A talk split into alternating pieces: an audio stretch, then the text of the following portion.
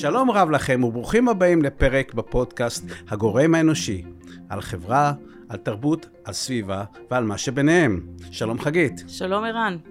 חגית, את יודעת שפורסם סקר שבו כן. בעצם אה, אה, הראו את עמדות הציבור ביחס למשבר האקלים בכל העולם, אוקיי. ובאיזה מדינה הכי פחות מודאגים ממשבר האקלים?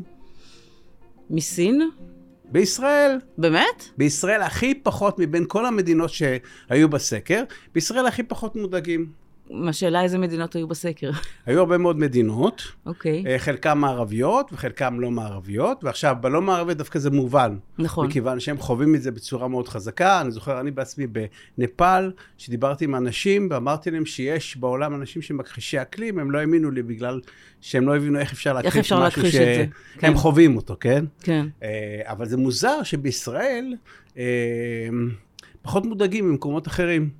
אה, כן, אולי יש דאגות שהן נראות יותר מיידיות בישראל. ואולי גם בעולם. חווים את זה אולי בצורה יותר, יותר חזקה. קיצונית. אני חושב שכדאי אה, לבדוק את זה. כן, בחודש, בחודש האחרון, יולי האחרון, אה, היה בהחלט קיצוני בכל העולם, ובהחלט כדאי לבדוק את זה. את זוכרת את השיטפונות בהודו? Mm-hmm. יש. מקומות שהגיעו בסין ל-50 מעלות. 54 או... מעלות בקליפור... באריזונה. לא, כן, כן, נכון. אז כדאי שנדבר ונראה מה קורה בעולם, ולא רק מה קורה פה בארץ. בהחלט, צריך לבדוק מה קורה בעולם. כאן באולפן ערן בן ימיני. וחגית גרובגלס. נכון לעכשיו, חודש אוגוסט 2023, עושה רושם שהקיץ הזה קשה במיוחד בהרבה מקומות בעולם. אה, אנחנו נתקשר לעיתונאי ניר חסון, שהוא כתב עיתון הארץ לענייני אקלים וענייני ירושלים, כדי לשמוע קצת על הנושא. בסדר, חגית? בטח. שלום ניר. היי ניר. היי, שלום. יש הסברים, אה, בטח יש הסברים רבים למה הקיץ הזה הוא קשה במיוחד, אבל אולי אתה יכול לתת אה, פרספקטיבה עולמית?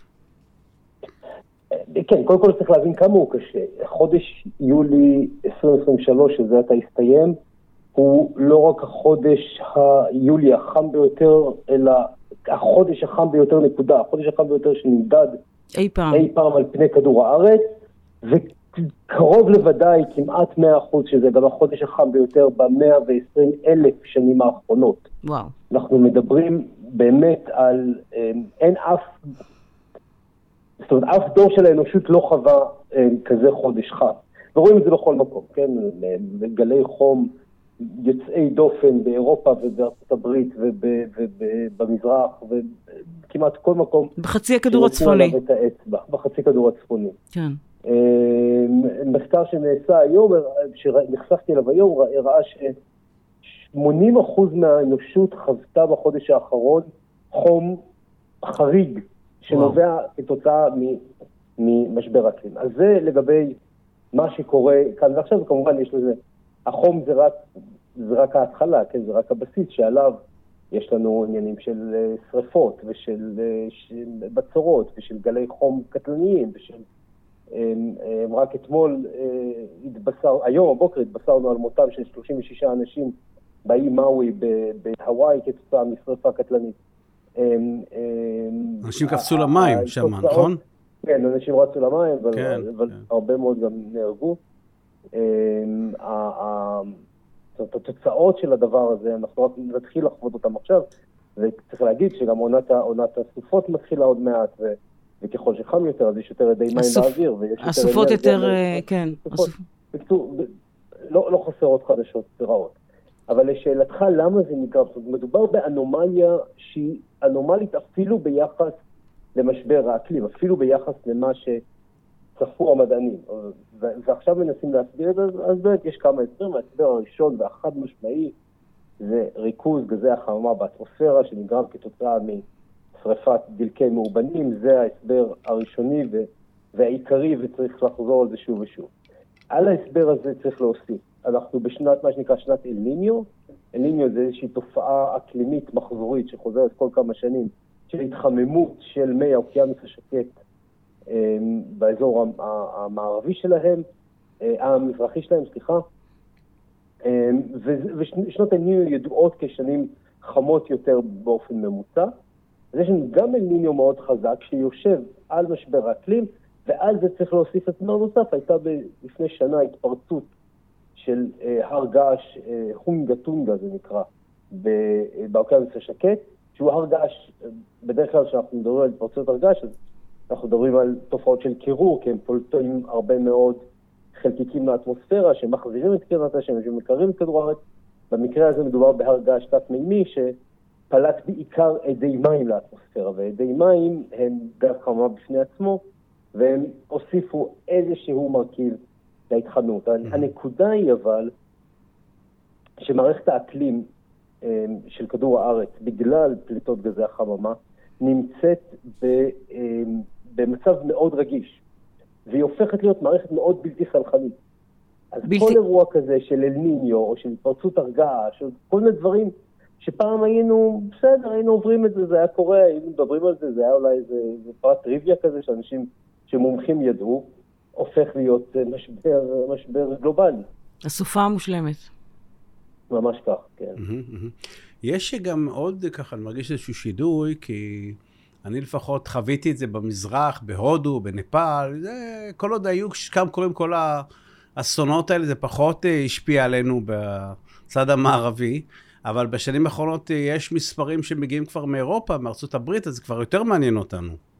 השאלה אם, נכון. השאלה אם זה קורה בחצי הכדור, מה שנקרא המערבי, זה יגרום לתאגידים ולממשלות לעשות קצת יותר אה, לחץ ציבורי אולי? אז צריך להגיד, אני חושב שהיום באמת קשה למצוא אדם שלא נחשף לאיזושהי תופעה, כן? אני מזכיר, וזה כבר נראה, זה נראה מזמן בגלל קצב האירועים, אבל אני מזכיר שלפני משהו כמו חודש וחצי, חודשיים, היה את, ה, את הגל שריפות. בקנדה. בקנדה עוד לא נסתיים, כן, אבל אז זה היה תחילתו. Mm-hmm. ואז הייתה רוח שהביאה את, ה, את העשן לניו יורק, וניו יורק הפכה להיות לפתע העיר המזוהמת ביותר בעולם, עם, עם רמת איכות אוויר של, של ניו דלי לפני 20 שנה, עם, עם ארפיח ועם עם שמיים אדומים, ו, וזה היה נראה לרגע כמו אפוקליפסה מול העיניים שלי, כן. באיזשהו סרט הוליוודי. כן. ומאז באמת איכשהו זה, זה, אני, אני מניח שיש פה גם איזושהי הטיה, כן? אנחנו שומעים יותר מטבע הדברים על אירועים שקורים באירופה ובארצות הברית מאשר על אירועים שקורים בנפאל וב, ובסין, אמ, אבל אכן הקיץ הזה בדרום אירופה היה, היה הרסני ממש, היה קטסטרופלי ממש, גם מבחינת שרפות, גם מבחינת גלי חום. הקטלני, אמ, אפילו היה קטלני, נכון? ממש קטלני, כן.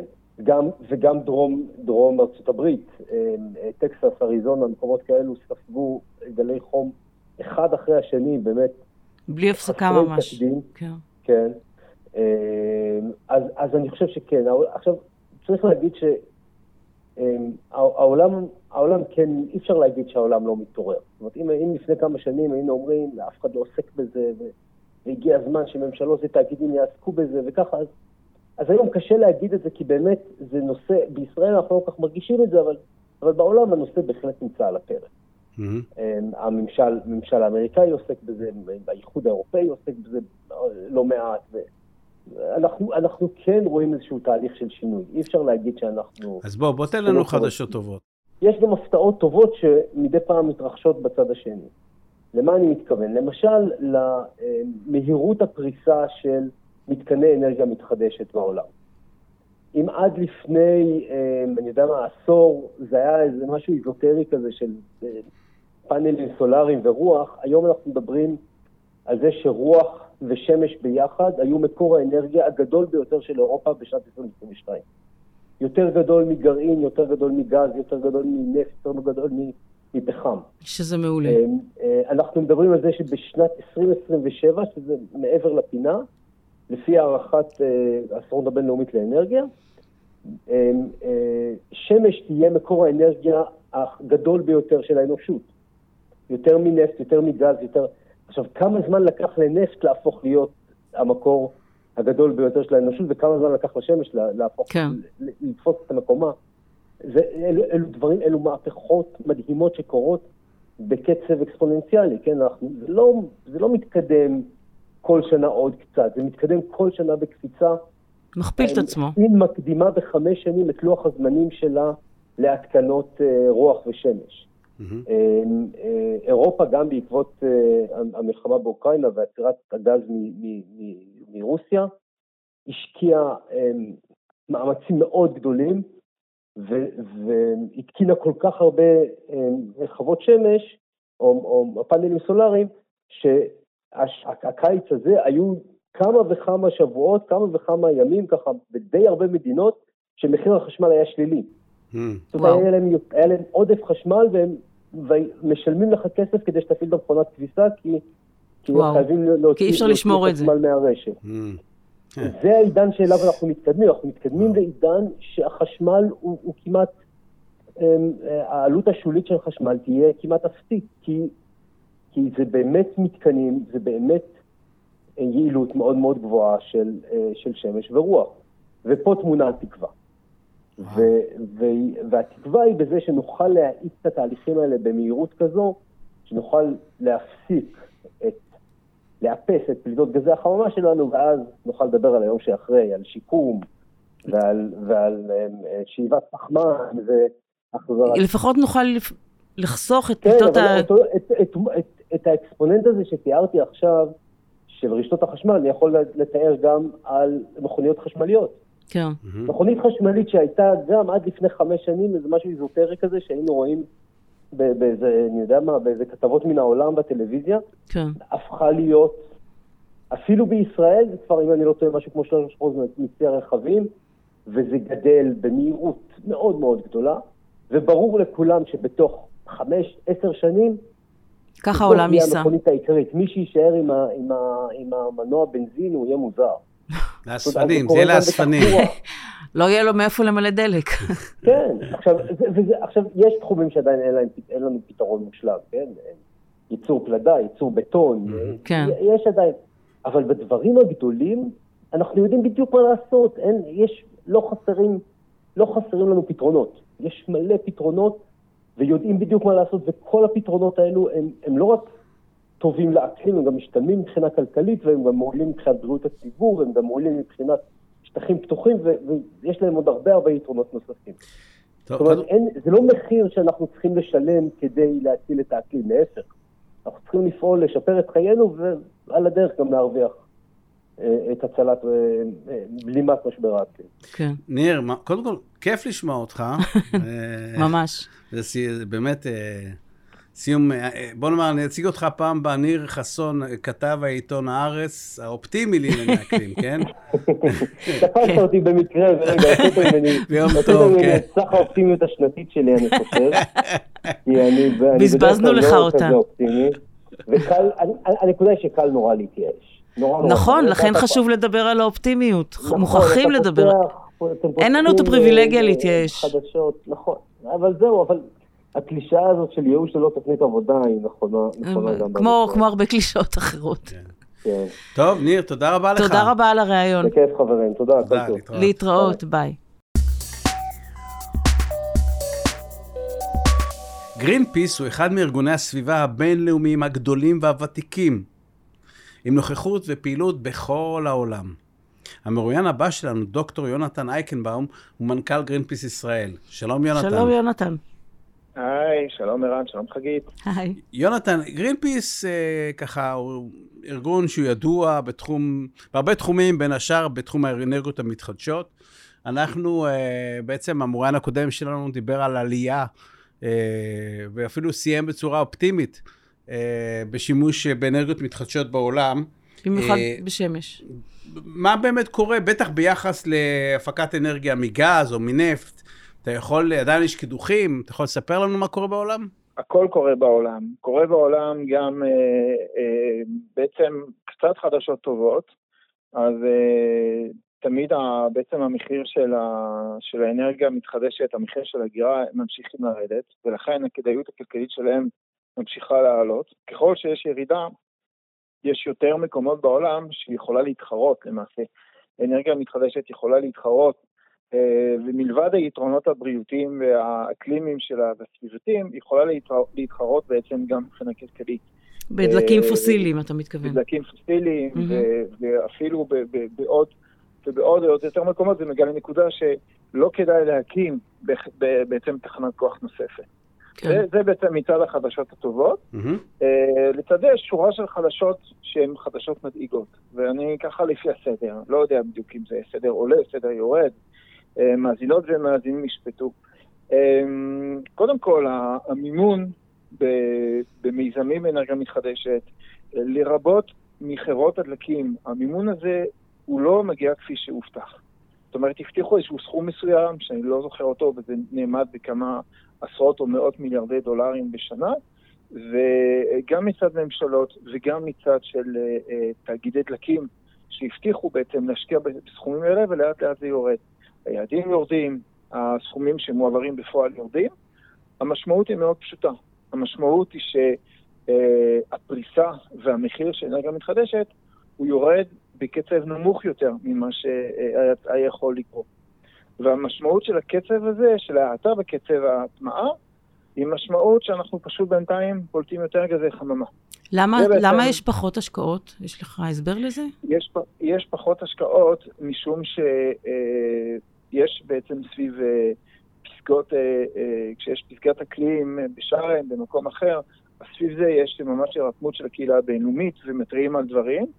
אה, ומנגד, למעשה, הפלישה הרוסית לאוקראינה, לאוקראינה אה, יצרה איזשהו ואקום ואיזושהי פלישה מיידית לגז, ועל זה בעצם בנו את כל התוכניות החדשות שלהם, של אה, תאגידי הדלקים, והממשלות שבאמת משלבות ידיים עם התאגידים האלה, ושזה בעצם מתבסס על כמה דברים. אחד, זה באמת כל ההבטחות שלנו בתחום של אנרגיות מתחדשות, אפשר לדחות אותן בעתיד, אפשר להנמיך בהן, אה, ויש כל מיני גרסאות. יש מדינות שמדשדשות במקום, למשל כמו ישראל. יש מדינות שעושות גם וגם, למשל כל היבשת האירופאית, היא מאוד, מצד אחד מאוד מאיצה את המעבר לאנרגיות מתחדשות, ומצד שני מאוד דורשת גז כדי להחליף את הגז הרוסי.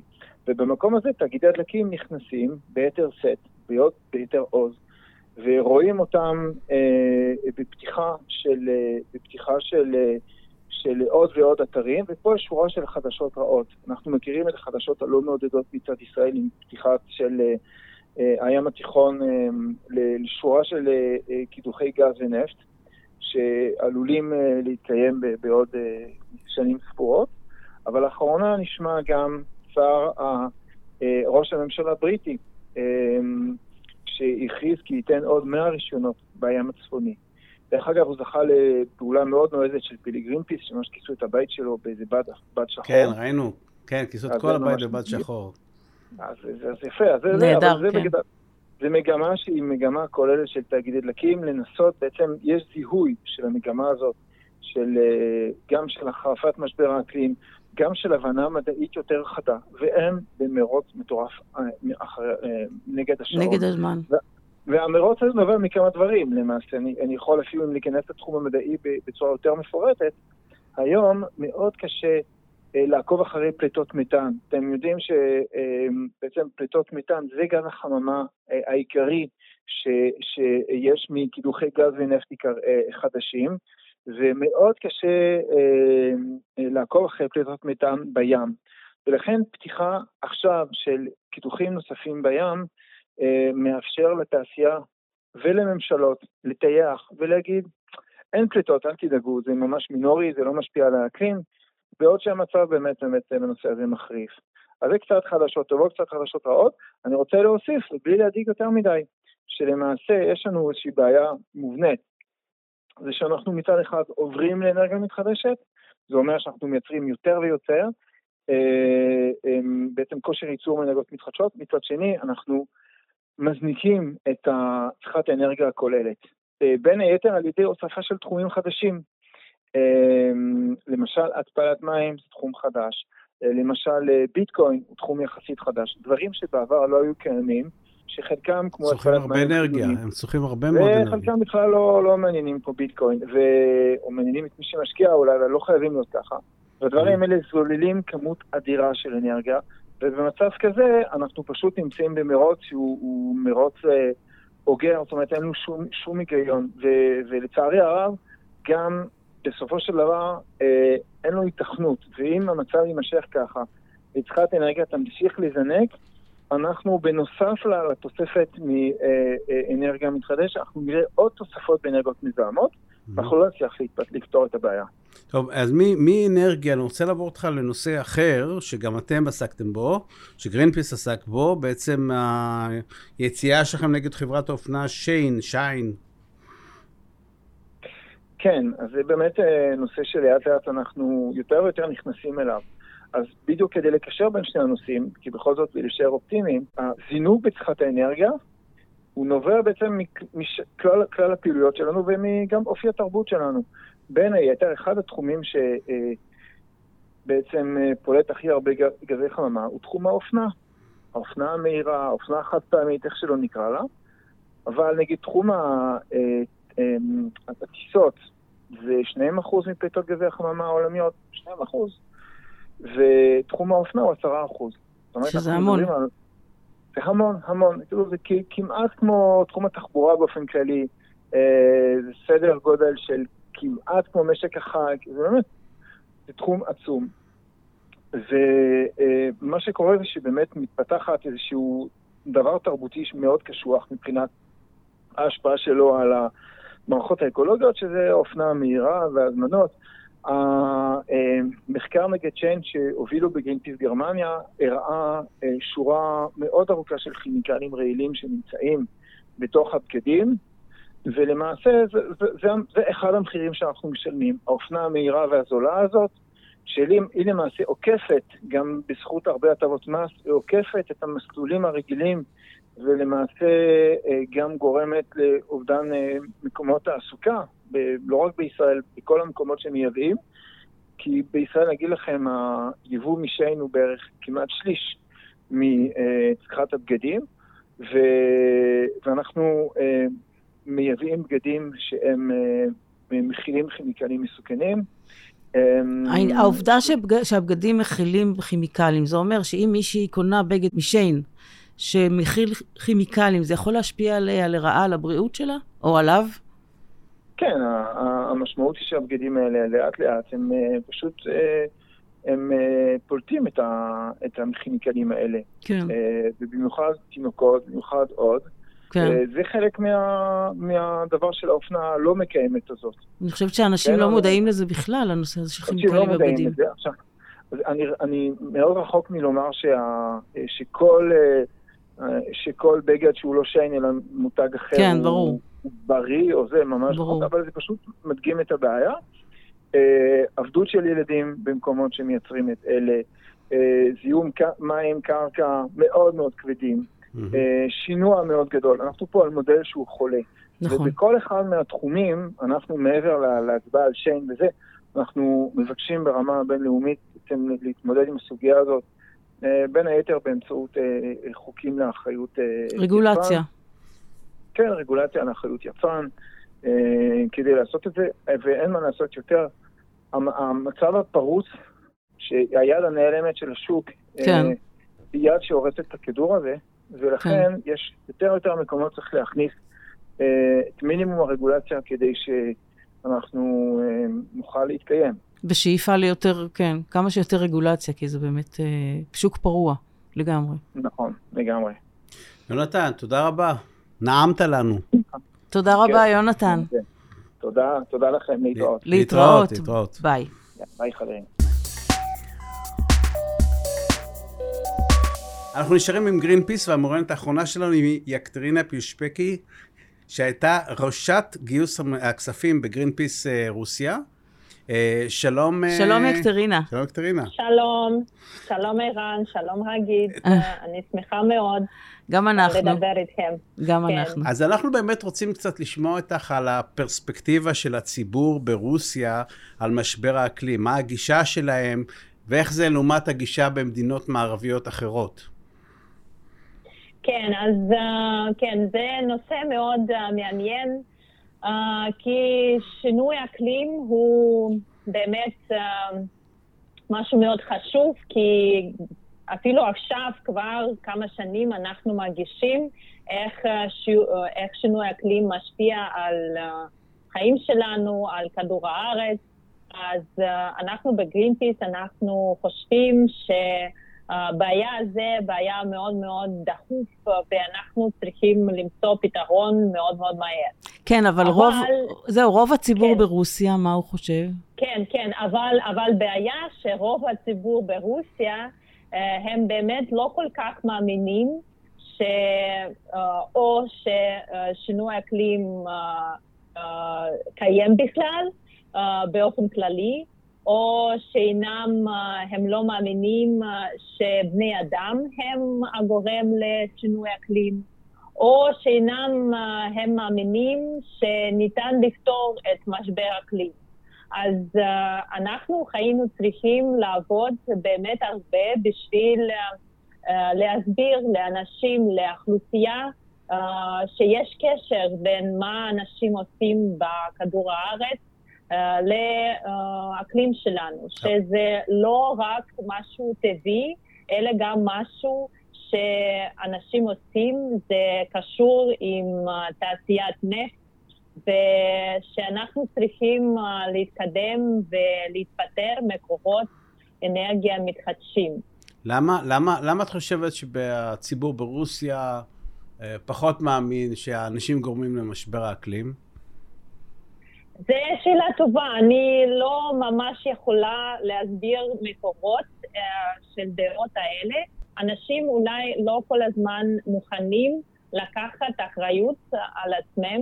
והם חושבים שזה יותר משהו יותר טבעי, כי הם שמעו uh, שהיה כבר כמה פעמים שאקלים uh, היא שינה, כן. ושחיה לדוגמה דינוזאורוס, ואחר כך הם כן. אין לנו, כי כן. היה גם שינוי אקלים, ושזה משהו טבעי שיש, uh, זה כמו סיבוב, כן, uh, שקורה, שקיים, אז שאנשים לא כל כך משפיעים על זה. אבל, ו... אבל יכול, להיות, כן, יכול להיות שזה בגלל שהציבור אולי יותר שמרני, או שהתקשורת פחות... אה, אולי הוא פחות חשוף לידיעות. אולי שזה פרופגנדה, אני לא יודע, אני שואל באמת כן. מה... כן, אני חושבת, אני גם חושבת שזה... Uh, uh, משום שגם אין חינוך מספיק בנושא הזה, אז אין מספיק מידע, אז גם הממשלה לא, לא מדברת על זה, כי לדוגמה ברוסיה תעשיית נפט מקבלת uh, סובסידיות ענק מהמדינה, כי בשביל רוסיה uh, תעשיית נפט מאוד חשובה, נכון? Mm-hmm. רוסיה מקבלת כן. הרבה כסף מזה. כן. אז כן. ממשלה זה... מעוניינת ב... Uh, להמשיך עם זה, כן. נפט. Mm-hmm. כן, כן ולהיפטר תעשיית נפט, והם לא כל כך, uh, וגם אז uh, מקורות אנרגיה מתחדשים, כן. אינם בראש סדר העדיפויות, אז uh, הם לא, מקורות אנרגיה מתחדשים לא מקבלים סובסידיות כאלה, וכן, אז זה, זה מז... לא נראה, זה לא נראה בשביל אנשים כמו... כמו בעיה וכמו משהו חשוב. זה, זה אומר שגם לממשלה הרוסית יש אינטרס שהציבור לא, לא יתקומם. לא יהיה נגד תעשיית לא הנפט, לא, כן, לא יהיה נגד תעשיית כן, הנפט, בדיוק. נכון? כן, כן. לגרינפיס ברוסיה היה, היה משרד מאוד גדול, יותר מ-100 אנשים, שעשה הרבה דברים. מה קרה? מה קרה למשרד של גרינפיס ברוסיה? וואו, כן, זה, זה סיפור מאוד מאוד עצוב. אז גרינפיס עבד ברוסיה במשך... אה, 31 שנים,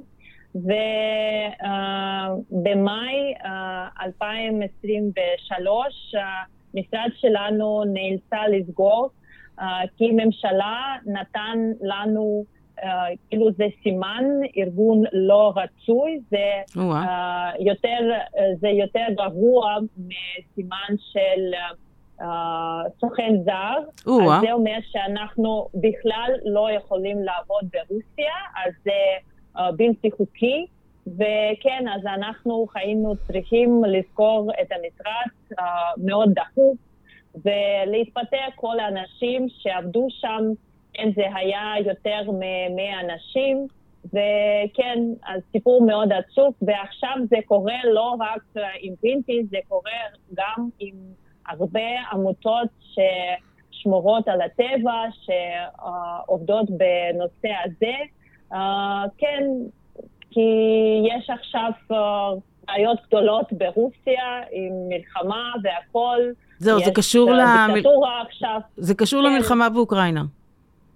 זה, זה קשור, זה כאילו לא אה, קשור ישר, כן, אבל זה בעקיפין. קשור לשלטון, שלטון שיש עכשיו ברוסיה, כן. שלטון של דיקטטורה, אז הממשלה ברוסיה לא רוצה שיהיה משהו uh, שונה ברוסיה, שיהיה עמותות שלא מסכימות uh, עם ממשלה, כן. אז uh, בדרך כלל, אז uh, לפי החוק, בדרך כלל הסימנים האלה מקבלים רק עמותות שעושים פוליטיקה, אבל עכשיו אנחנו רואים שאפילו גם עמותות שעובדות עם טבע ושמורת טבע, הם גם מקבלים סטטוס הזה. מבחינתם כן. לשמור על הטבע זה גם פוליטי.